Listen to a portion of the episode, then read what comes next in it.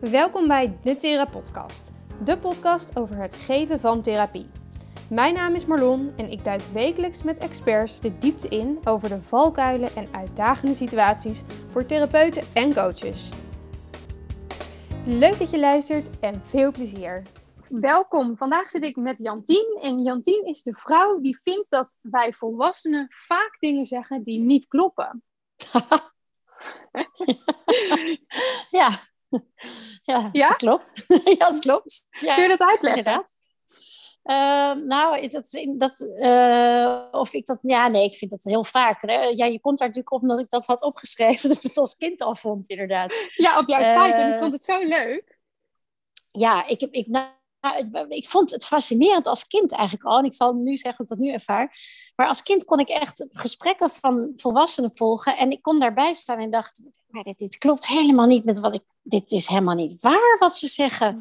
Want ik zie of ik hoor of ik voel echt iets heel anders.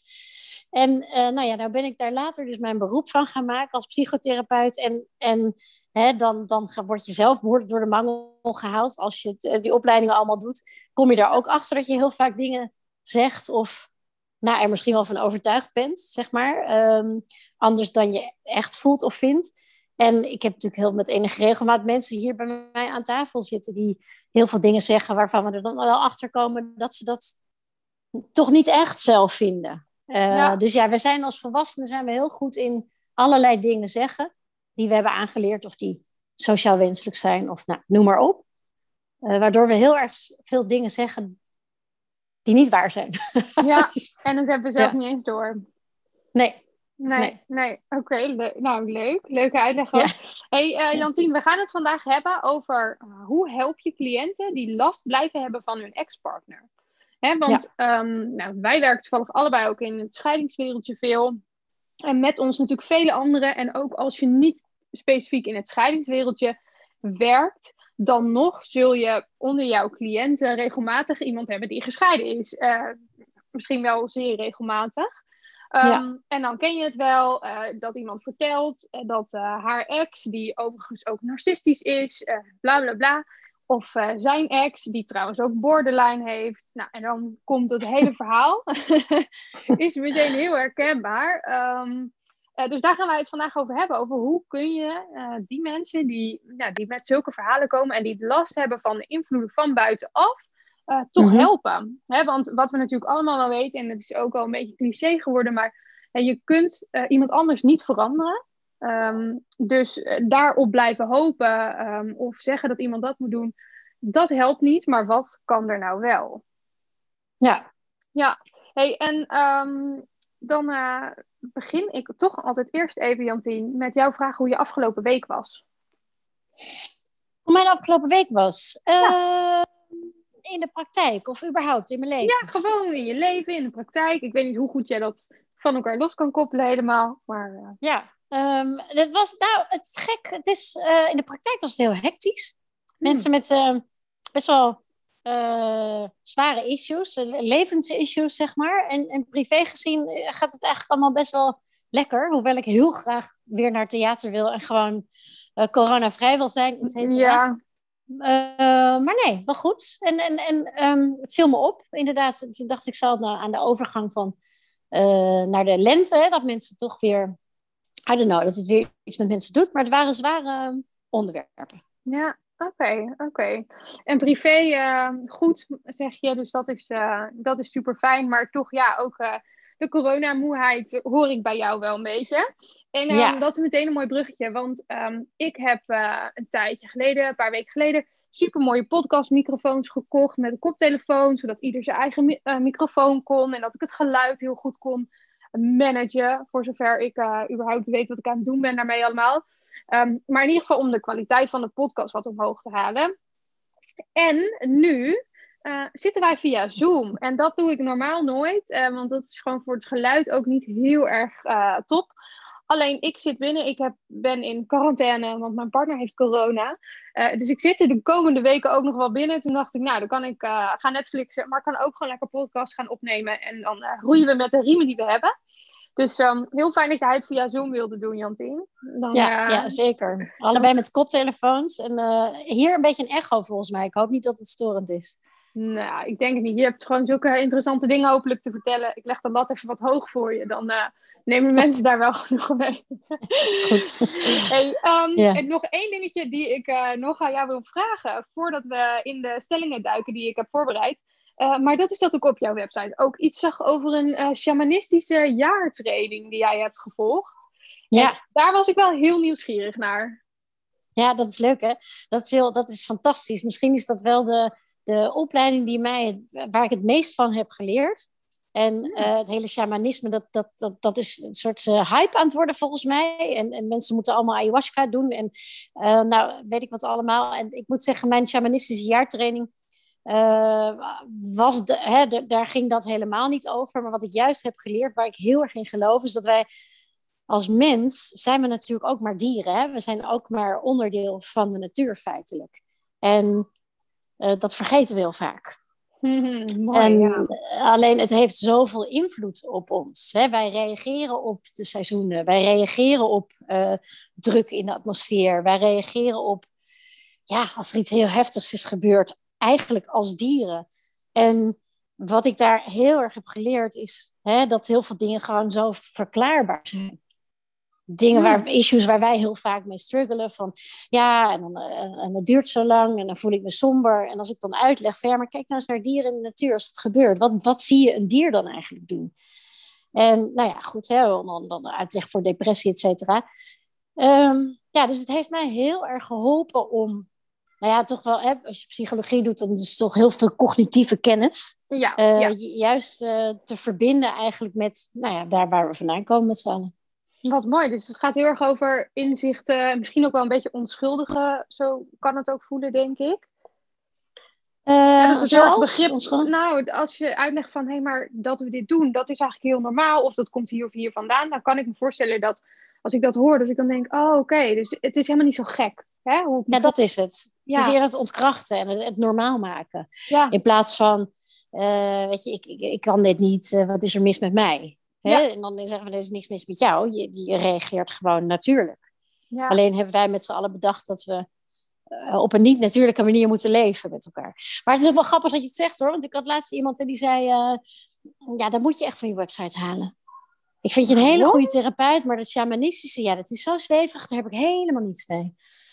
Dus Oh, dat was ook wel interessant ja, ja, vond ik ook wel. En toen zei ik van, goh, vind je me zweverig overkomen? Ja, nee, helemaal niet. En ik zeg, nou ja, ik zeg, je kunt daar zo'n draai aan geven Ja. uh, die je wil. Maar het is inderdaad wel... wel het, het maakt altijd iets los. Ja, absoluut. Ja. Nou ja, Ja. nee, ik ben ook helemaal niet zweverig. Dat, ook, dat denk ik ook graag van mezelf. En Dat vind ik ook wel echt. Ehm, maar de- ik merk gewoon dat ik denk, oh wat interessant. Nou, je kan, je, hè, je kan er toch altijd iets uithalen. Je hoeft niet Ja. te geloven in weet ik veel wat. eh, In spirits, dus dat maakt niet zegt. uit. Nee, dat hoeft niet. Ja. Maar nee, oh, Nee. leuk. Maar nou, dit is, ik ga er nu niet zo ver meer op in, want dat is natuurlijk een ander onderwerp. Maar ik vind het zo'n interessant onderwerp. Dus misschien, eh, als het je bevalt, kunnen we daar nog eens een keer een podcast over opnemen. Ja. Want dat is echt eh, super interessant. leuk, waardevol, Hey. ja, zeker. Ja, absoluut. Hey, gaan we naar de stellingen voor eh, vandaag? Want eh, mensen zitten natuurlijk heel erg te wachten op de antwoorden hoe je je cliënt daarbij kan helpen.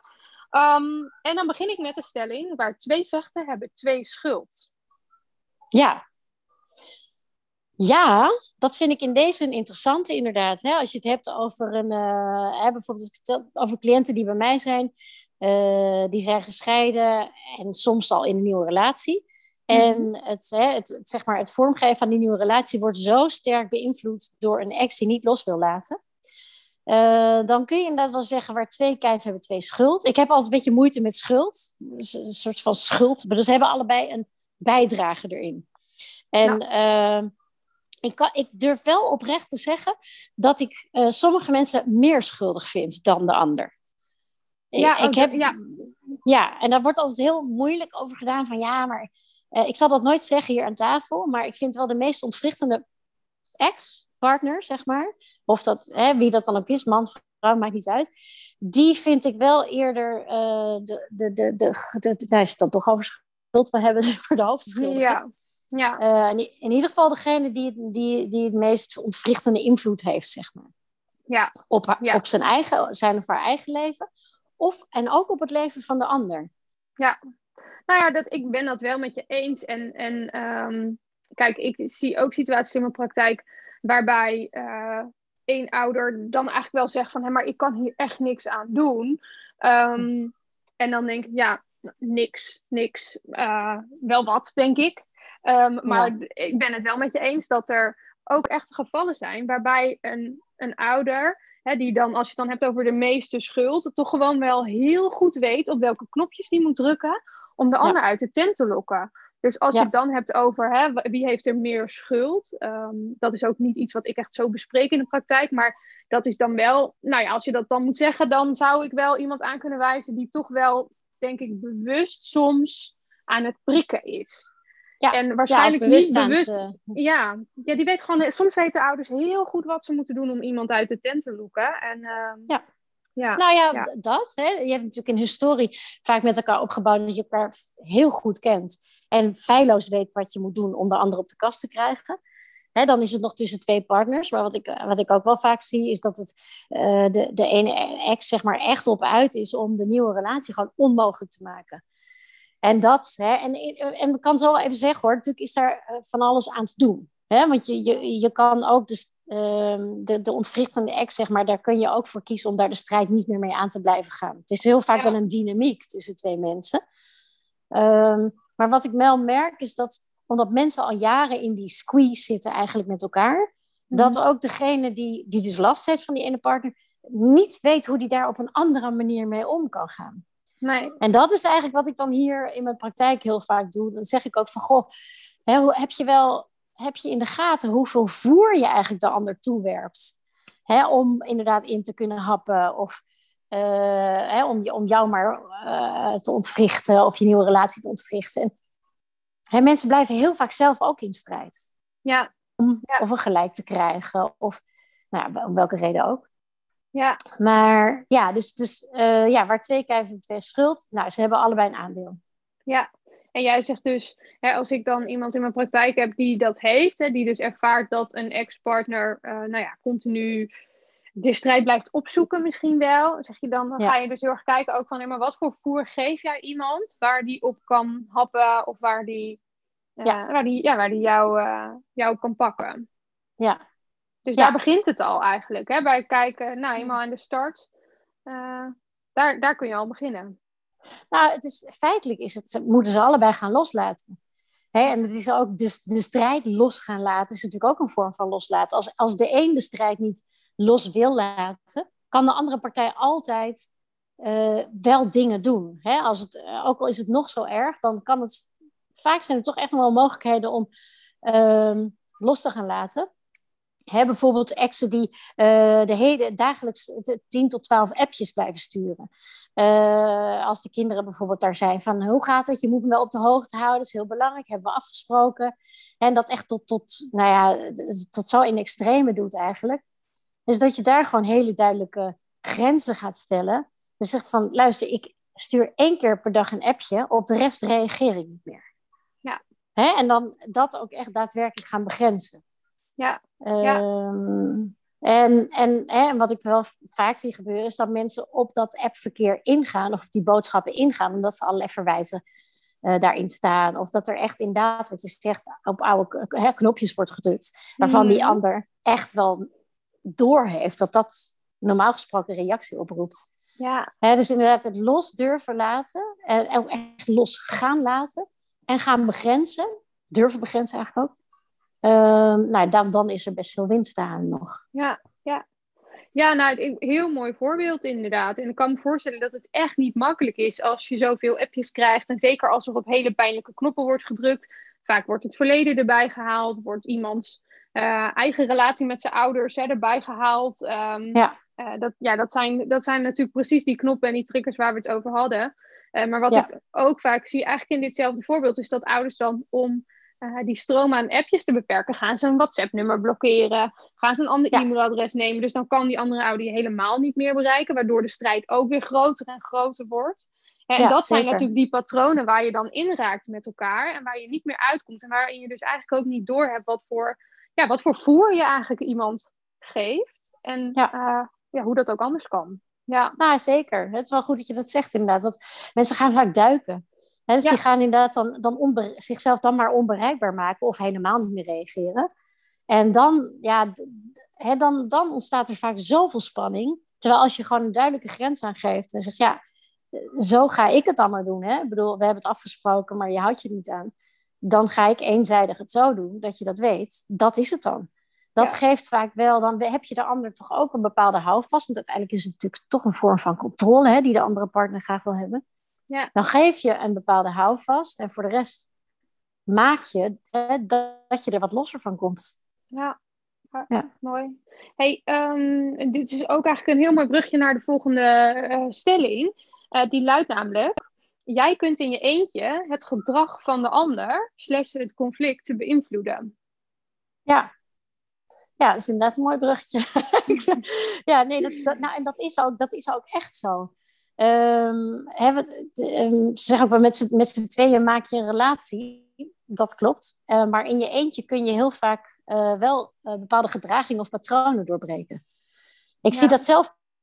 De metafoor gebruik ik nog wel eens bij mensen. Dat ik zeg, als je een systeem wil, anders wil laten lopen. Dus eigenlijk inderdaad een bepaalde samenwerking. En, en je ziet een systeem voor je met allemaal radartjes. Dan als er één radar stil gaat staan, ja, dan gebeurt er iets in dat systeem. Of radartjes ploppen eruit, of, weet je, of ze gaan stagneren, of ze gaan nog een beetje. Maar jij kunt in je eentje, als dat ene radartje zeg maar in dat hele systeem, kun je echt de boel veranderen. Ja. En jij kun je radartjes, wat bedoel je met radartjes?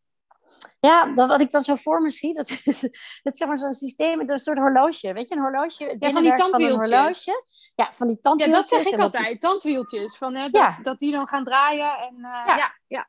Ja, nee, dat, ik noem het dan van die radertjes, maar het zijn inderdaad van die tandwieltjes. En nou ja, dus stel je maar voor, weet je wel, sommige tandwieltjes die gaan makkelijk mee een andere kant op draaien. Sommige zitten zo, hè, die, die ploppen er gewoon uit omdat het echt niet meer past. En, maar in ieder geval, het is eigenlijk een metafoor om te zeggen van je kan dus als één draaiend stukje in dat geheel, kun je dus echt wel een verandering teweeg brengen. Uh, wat, wat het wel vraagt, en dat hè, voor mij is dat ik wel altijd goed kijk van waarom blijft die, um, de, de, de, die ene partner, nou, niet zozeer de, de ontwrichtende partner, maar waarom de andere persoon, waarom blijft die ook zo in de strijd? Hè, wat is daar nog te doen aan uh, verwerking van een scheiding? Uh, vaak zit daar ook nog wel iets. Ja, maar kun jij daar wat aan doen? Want jij bent natuurlijk dan therapeut van partner A. En laten we even zeggen partner B of ex-partner B, die um, ja, is de schuldige. Zoals okay, we dat in het begin ja. hebben geschreven. En ja. jij bent therapeut van A. Maar kun jij nou, iets doen dan aan de verwerking van B? Uh, nee, ik bedoel het ook zo te zeggen. Daarom is het handig als we A en B zeggen. En dat er bij, bij partner A, uh, partner A zit er, hè, die, die blijft vaak zelf ook in de strijd. En daar zit dus heel vaak nog iets onverwerkt. Of een bepaalde boosheid. Of hè, ik krijg wel, ja, dat is dan niet eerlijk. Of het klopt toch niet. Weet je, dus die blijven nog heel erg in die strijd van een, een gelijk krijgen. Mm-hmm. En wat ik merk is als je toch aandacht gaat besteden aan dat stuk, ook dat stuk los te laten. Hè? Want zeg ik altijd, wat wil je? Wil je je leven lang eigenlijk in deze relatie blijven? Hè? wat je eigenlijk natuurlijk doet, als je continu in die strijd blijft, blijf je eigenlijk je hele leven lang nog in die relatie? Of ben jij ook echt, ben jij ook bereid om het helemaal los te gaan laten?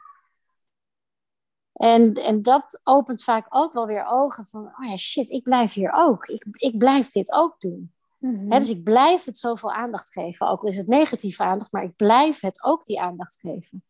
Ja. Ja. ja. En, dat, en dan kom je uh, wel echt op die tandwieltjes natuurlijk. Ja, ja. zeker.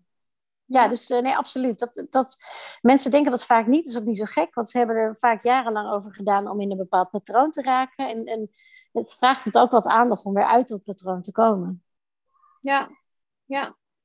Oké, dus je, je zegt het, het zijn heel erg, um, nou ja, eh, praktische dingen die je kunt doen. je kunt dingen doen en vooral laten die invloed hebben. als je kijkt naar die tandwieltjes en dat systeem.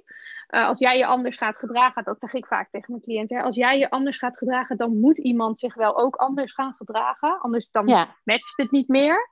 Nee, het kan soms even duren. Daar, ja, ik wou net zeggen, en iemand kan daar ook wel eens flink van gaan sputteren. Want die denkt, hé, hey, hoezo? Ik drukte normaal op dit knopje en dan deed jij dit. Dat doe je niet meer. Wat is hier aan de hand? Dus iemand kan ook er echt even heel raar van gaan doen. Ehm, maar ja, uiteindelijk moet iemand dan wel anders, anders gaan doen, want hij merkt ook, dit werkt niet meer. Ehm, dus je kan praktische dingen doen, maar het zit hem toch ook wel heel erg op uh, ja, een stukje uh, verwerking en, en praten over hey, wat kan ik deze relatie ook helemaal loslaten? Of heb ik het ook nog niet 100% laten ja. Ja, ja, zeker. Absoluut. Ja, zeker. Ja, ja en, en, en wat, wat natuurlijk vaak is dat er hè, uh, kinderen in het spel zijn waar over, over de hoofden van de kinderen wordt dit natuurlijk ook uitgespeeld met elkaar. Dus dat maakt het ook gewoon lastiger. Ja. en dan komt er ook vaak toch wel weer een, een, eigen kindstuk of schuldgevoelens. Nou ja, goed, noem maar op. Um, ja. Maar inderdaad, er zit ook zeker nog een stuk verwerking en los durven laten en kunnen laten. Ja. Ja. nee, en dat is een, een goede toevoeging van je. Het, het wordt gewoon heel vaak over de hoofden van de kinderen uitgespeeld. En dan wordt het ook heel uh, ingewikkeld soms in, eh, kan je dit laten gaan, ja of niet, moet je hier nou wel op reageren? Um, ik had bijvoorbeeld van de week sprak ik een man en die zegt van ja, mijn, uh, mijn ex die geeft heel vaak de sportspullen niet mee aan de kinderen als ze bij mij zijn. En mijn ex wil eigenlijk graag dat ze meer bij haar zijn. Ze zijn 50% ja. van de tijd bij mij. En dan geeft ze gewoon elke keer die sportspullen niet mee. Waardoor ze dan toch weer naar hun moeder toe moeten. Ik zeg, ja, wat, weet je, wat moet ik hier niet meer? Moet ik dan maar ook weer sportspullen gaan kopen? Moeten ze weer alles dubbel? Ja. Uh, ze, ze, geeft de kapotte fietsen mee. Um, moet ik dan um, elke keer die fietsen gaan maken? Ja, dat, dan wordt het wel ingewikkeld inderdaad in hoe, hoe doorbreek je dit patroon als de kinderen erbij worden betrokken. Ja. ja, wat zeg jij dan? Want ik zeg zelf altijd van ja, choose your battles. Dus inderdaad, als een, een, een outfitje extra kopen, als dat al verlichting biedt op een bepaald stuk, doe dat in godsnaam. Het moet natuurlijk niet uit de hand lopen dat je inderdaad ook, uh, ik weet niet, drie of vier fietsen uh, moet gaan aanschaffen. Ik weet niet wat, maar nou ja, dat is mijn advies. Altijd wel choose your battles. Kijk waar het echt nodig is. En, en andere dingen probeer die echt dan maar te accepteren. En het zo makkelijk mogelijk te maken. Wat, wat, wat doe jij daarin? Nou ja, eigenlijk hetzelfde. En, en dat is um, tegelijkertijd soms heel onbevredigend. Want weet je, je kan dat soort dingen gewoon niet altijd helemaal wegnemen. Uh, maar ik zeg inderdaad overal choose your battles. En weet je, ja, dan maar twee fietsen. Als ze elke keer met een, kapotte fiets bij jou komt, um, dan, dan ja, koop dan eh, voor 50 euro een uh, extra fiets. En dan heeft ze, heeft ze twee fietsen. En, ja, ik, en ik kan me ook voorstellen dat dat gewoon een kut antwoord is om te horen. Als je drie of vier kinderen hebt en je hebt het al niet heel breed. En dan worden de opties gewoon heel beperkt. Dus um, soms is dat heel erg lastig. Maar als het even kan, um, dan denk ik choose your battles. En, uh, ja, en ga die soms gewoon op die manier laat je daarin niet meer, uh, niet meer raken. En ja, dan, dan zegt mijn cliënt ook alweer eens, ja, maar dan, dan heeft ze bij mij een hele week een goede fiets gehad en dan moet ik er weer terugsturen op een kapotte fiets. Weet je, ja. Ja. Ja. ja, dat is natuurlijk ook heel vervelend. En, en, en dus dat, wat je zegt, het is soms ook wel een zoektocht. Het is eigenlijk een soort van kiezen, kiezen van een van de slechtste, zeg maar. Weet je, het beste van de slechtste kiezen. Ja. En, uh, en dat is natuurlijk, hè, ik vind daar is nog niet één recept voor. Dat is echt zoeken met degene die je aan tafel hebt van goh, hè, wat, wat uh, berokkent eigenlijk de minste schade? Want dat is het ook, hè? Uh, Zeker naar de kinderen toe. En, en, en, en wat kost jou het minste energie? Ja, ja. klopt. Dus dat vooral. Ja, wat kost ook het minste energie? Want en je zult wat energie nodig hebben om op bepaalde uh, momenten waarop het gewoon echt te ver gaat, wel de battles aan te gaan. En ja, en hoe doe je dat dan? Dat is dan natuurlijk ook nog iets waar je goed naar kan kijken. Maar um, ja, dit, eigenlijk geef ik hetzelfde advies. En um, wou dat er een, een, iets was wat we konden zeggen, wat het allemaal wegneemt. Maar ja, zo werkt het gewoon niet. Nee. nee, nee, zeker niet. Nee. Hey, um, volgende stelling is um, het vinden van een nieuwe partner is de oplossing voor het loslaten van je ex. Hmm. Um, ja, dat denk ik wel. Uh, dus niet al, het gaat niet altijd op die vlieger. Hè, want soms kan, kan ook zijn nieuwe partner helemaal betrokken worden bij een Ja, ik wou dat heel erg aan de partner. Ja, maar, maar het is meestal... Um, ja, ik denk dat in mijn ervaring dat dat wel vaak zo is. En in sommige gevallen wordt het alleen maar erger, maar dat is, dat is maar sporadisch. Ja. Dus ja, nou, ik, denk dat vinden, Ja. Ja, ik denk inderdaad het vinden van een nieuwe partner, um, ja zeker, want dat, dan voel je je niet meer zo eenzaam. Kijk, uiteindelijk is de, uh, dan spreek ik echt hè, waar, waar, mijn ervaring ligt, is dat degene die, zo, die, die maar niet los wil laten, ja, die wil eigenlijk gewoon de relatie gewoon niet loslaten. Die, wil, die voelt zich eenzaam, die wil het verdriet van de scheiding niet in, die wil de liefdesverdriet niet aangaan. En, en dat, hè, die wil dat bij een ander gaan halen. Nou, liever, liever dat je dan maar de liefde bij een ander gaat halen, dan dat je, hè, dan dat je uh, je verdriet probeert te verminderen door eigenlijk de scheiding niet aan te gaan. Ja. Dus ja, ik, denk, ik, ik denk het wel. In de meeste gevallen denk ik het wel, ja. Ja, ja maar dan, ja. ja. Ja, nou ja, ik ook in de meeste gevallen. Uh, en dat, dat is vooral ook in de gevallen waarbij je ervan uitgaat dat iemand inderdaad heel erg vanuit pijn en omdat hij nog niet, de relatie nog niet achter zich kan laten, hè, boos is. Als secundaire emotie die boosheid uit, terwijl er eigenlijk heel erg verdriet onder zit. En uh, in dat geval zou dat zeker dat de oplossing kunnen zijn. Want je, verliefd zijn maakt je ook gewoon een veel leuker mens. En het maakt je vrolijker en het maakt je milder. Um, dus ja, weet je, word lekker super verliefd. Uh, en word er vrolijk van. En, en denk op die manier, hé, hey, ik zie het leven weer zitten. En eigenlijk is het uh, allemaal nog niet zo erg, want nu heb ik deze partner. Dus dat, in dat stukje, dat, dat ze, ja, is het, eigenlijk vind ik wel een gouden medicijn. Het is helaas niet iets wat je echt kan voorschrijven. Je kan moeilijk nee, je ex in gaan schrijven uh, op een dating site. ja, nee. Dus dat was dan een, pil, een pilletje voor partner B. Dus, ja, ja, precies. Ja, ja een, nieuwe, een nieuwe vrouw voor partner B. Ja, dat zou wel top zijn. Daar heb je natuurlijk geen invloed op gewoon. Maar um, nou, misschien wel een beetje in het, het gunnen. Um, dus, dus gun je, je ex-partner een nieuwe relatie heel erg. Ja. Weet je waar, waar het ineens in mij opkomt? Dat ik zit te nou. denken, heb jij dan wel eens meegemaakt? Want wat er natuurlijk ook zo kan gebeuren. Hè? Sommige mensen blijven natuurlijk in de strijd. Ook degene die het gevoel heeft, het wordt mij allemaal aangedaan, zeg maar. Dus partner A. Um, wat er dan zou ook kunnen gebeuren als partner B een relatie heeft... en dat partner A ineens jaloeziegevoelens ontwikkelt. Dat kan natuurlijk ook. Ja, dat, ja, dat zie ik wel vaak, ja. ja. Interessant, heb ik nog nooit meegemaakt. Nee? Oh. Nee, nee. Ja, nou ja, kijk, ik, ik begeleid natuurlijk vooral de kinderen. Hè? Dus ik zie dat dan van de zijlijn. En ik uh, leg dat bij, uh, bij degene neer die, uh, die de ouders begeleidt in mijn praktijk. Ja. maar nee, ja, zeker. Of dat partner A dan zelf zegt van, oh maar, oh, maar wacht even. Weet je, als ze dan bijvoorbeeld, als die partner dan de aandacht kwijt is, eigenlijk, want daar gaat het natuurlijk om. Je zit, ook al is het een, een ruzie of wat, je zit toch nog, je houdt elkaar nog vast. En dan laat partner B los. En dan zegt A van ja, maar dit was eigenlijk niet de bedoeling en eigenlijk wil ik je toch terug. Um, dus zelfs dat uh, is wel eens gebeurd, ja. Ja, ja. Ja, ja en dan dat, kom je weer in een heel nieuwe, ja. heel nieuwe dynamiek met elkaar, ja. Ja, zeker. Ja, interessant. De liefde, dat doet toch echt bizarre dingen met je. Ja, gekke dingen. Heel gekke dingen. Ja, ja. ja. Hey, um, ja, nee. Over die, eh, want ik zat net nog, net nog te denken van hey, die nieuwe partner. We hebben natuurlijk gezegd allebei van nou, het, zou echt een heel goed medicijn kunnen zijn. In heel veel gevallen mhm. helpt het. En natuurlijk zijn er, is er ook een aantal gevallen uh, waarin dat niet zo is. En die zie ik vooral heel veel in mijn praktijk. Uh, Gevallen waarin een ex-partner het misschien zelfs nog wel erger maakt. Um, ja. En dat is dan natuurlijk, en dat, dat hangt er heel erg van af wat voor persoon dat is. Kijk, Mhm. Eh, wanneer iemand uh, waar je een nieuwe relatie mee krijgt, die hoort natuurlijk alleen jouw kant van het verhaal. Um, Die uh, vindt ook alles wat jij doet terecht en goed en die steunt jou natuurlijk. En als het dus mhm. niet iemand is die in staat is om te reflecteren en om, en om zich af te vragen: hé, hey, maar hoe, hoe zit dit verder? En die door kan vragen, ja, dan kan het, kan het het veel erger gaan maken. Ja, of een ex, die maken het ook veel erger.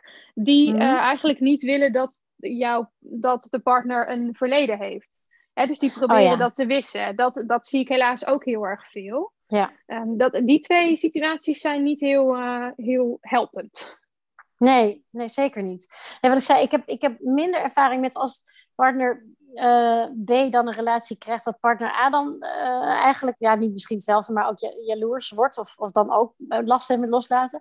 Maar mhm. wel inderdaad het ontkennen, echt het ontkennen van de andere ouder eigenlijk. Hè, dat, dat niet, niet willen dat daar ooit een liefdesrelatie is geweest. Dus dat is eigenlijk de jaloezie in het nieuwe gezin, zeg maar. Hè? Ja. Um, en, daar, en, en dan eigenlijk de andere ouder helemaal ook niet accepteren, niet willen zien, maar ook hè, de tijd die de kinderen daardoor brengen niet, niet erkennen en, en de band die daar is niet erkennen. Ja, dit, die maak je zeker ook mee. Ja. Ja, ja, dus het is wel een, nieuw, nieuwe partner. Het is heel erg een medicijn met mogelijke bijwerkingen.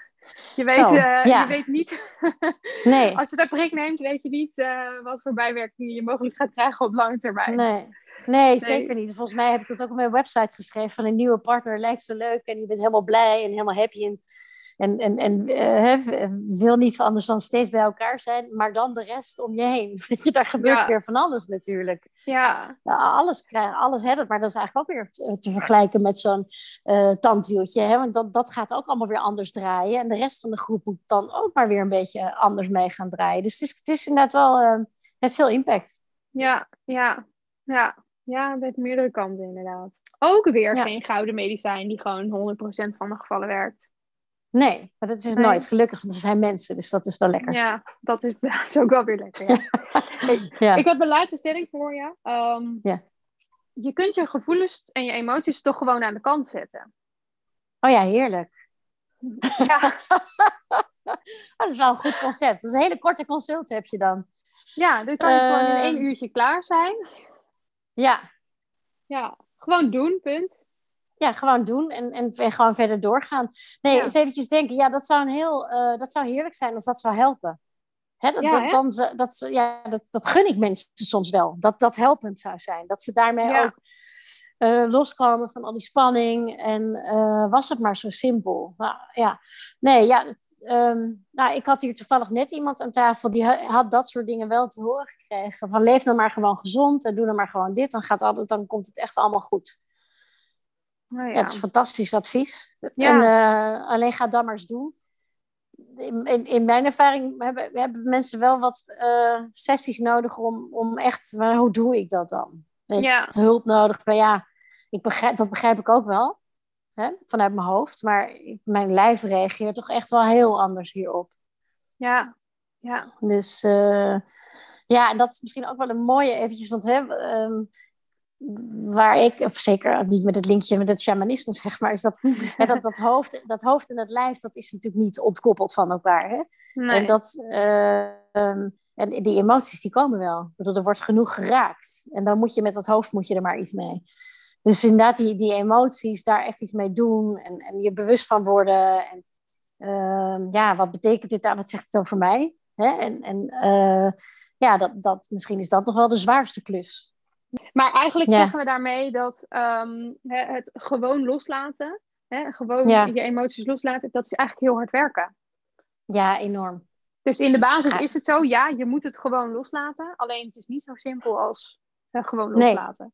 Nee, kijk, wat, ge- gewoon, ja, of dat gewoon is, weet ik niet. Want emoties, dat is, dat is zo'n eh, iets vanuit je uh, oerreactie. Hè? Ook in je brein komt dat natuurlijk al uit een stuk waar je eigenlijk geen controle over hebt. Dus, Nee. dus hè, eerst voel je hem en dan ga je later nog maar eens bedenken, hoe, wil ik, hè, hoe ga ik daarmee om? En hoe wil ik daar eigenlijk mee omgaan?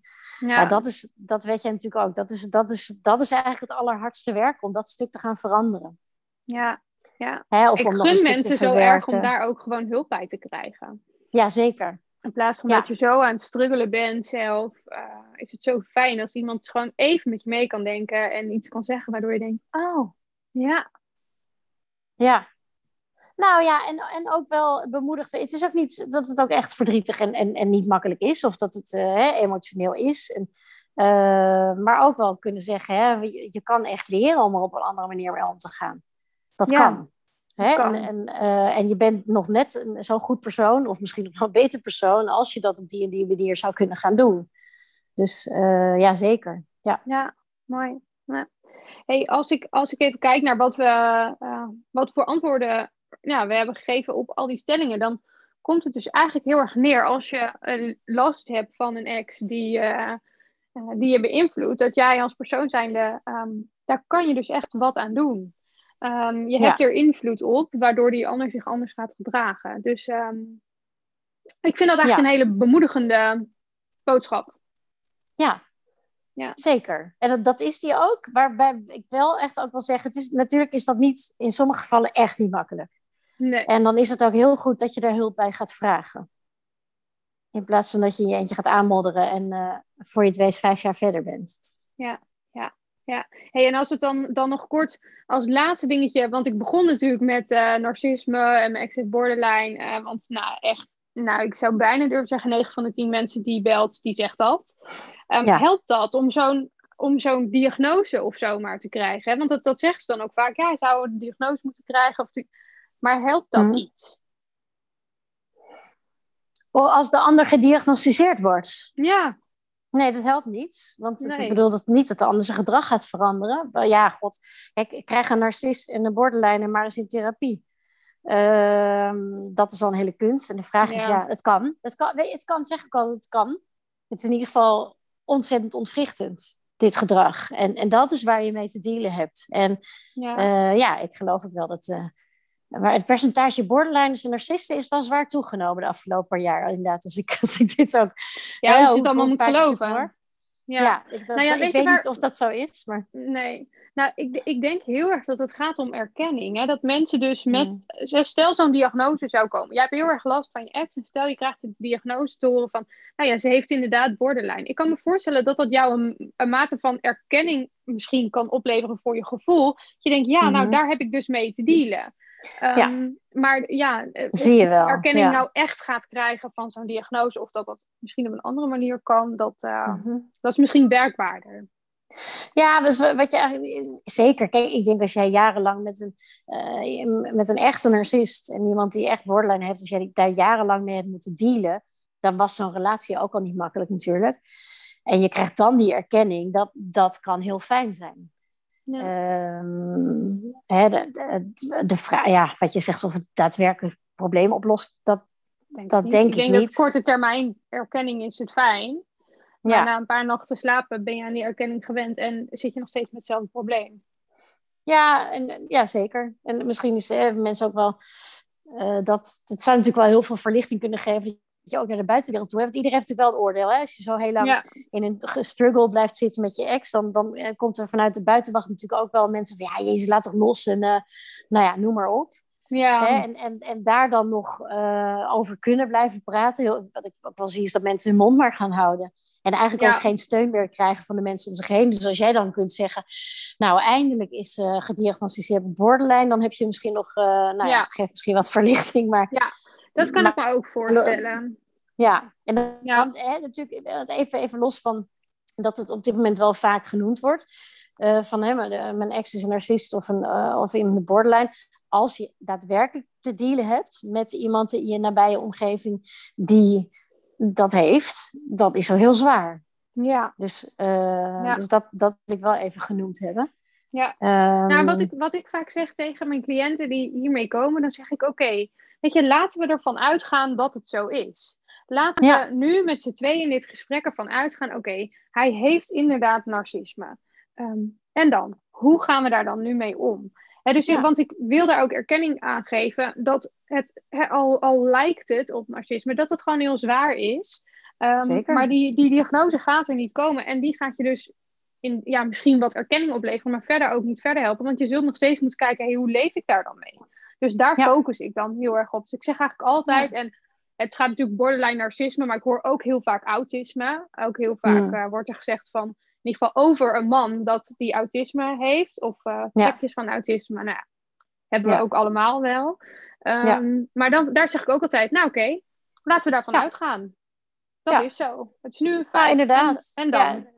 Ja, en welke specifieke aspecten heb jij last van? Of heb jij hè, vind jij moeilijk mee om te gaan? Ja. Ja, absoluut. En het, Is, het is ook verlies. En, en uh, van mensen maakt natuurlijk ook. En we hebben allemaal narcistische trekjes. Dat kunnen we. Ik bedoel, ergens kunnen we ze allemaal aanboren. Dus ik, dat, dat komt, natuurlijk speelt dat ook. En bij, en bij verlies zijn er ook hè, mensen die het echt heel moeilijk vinden om het los te laten. Of om die echt dat verdriet niet in willen. Dan krijg je ook uh, borderline-achtige gedrag. Nou ja, dus, dus in die zin maakt het feitelijk niet zoveel uit. Nee. Uh, wat je zegt, hè? ga in op de, de, de feitelijke aspecten. Wat, wat speelt hier en waar, waar heb je mee te dealen en waar moeten we iets mee? Ja, ja. ja. ja dankjewel. Dankjewel, Jantien. Je hebt uh, ja. ja. heel mooie antwoorden gegeven. Ik denk ook uh, echt wel hele praktische dingen waar mensen wat mee kunnen. Um, heb je nog iets waar je graag mee zou willen afsluiten? Of heb je alles al gegeven? Heb ik nog iets? Nee, ik vond het leuk. Daar wil ik even mee afsluiten. Ja, leuk om dit te doen. En ik hoop, ik hoop dat de luisteraars er echt iets aan hebben. Dat, daar doe ik het wel graag voor, ja. Ja, nou, ik denk dat we hele concrete dingen hebben, hebben besproken die, uh, nou ja, die je zo kunt, eruit kunt halen en kunt toepassen in de praktijk. Dus um, ja. dat hoop ik. Ja, ja nou leuk. En laten we over het uh, shamanisme ook, uh, ook binnenkort gaan doen. Want ik ben toch wel heel erg geïnteresseerd en getriggerd op wat je daarover over kan vertellen. Is goed. Nou, leuk. Doen we dat de volgende keer. Oké, okay, nee, dankjewel. dankjewel. Laat je weten wat je van de aflevering vond? Je kunt me bereiken op Marlon Dijkhuizen op Instagram.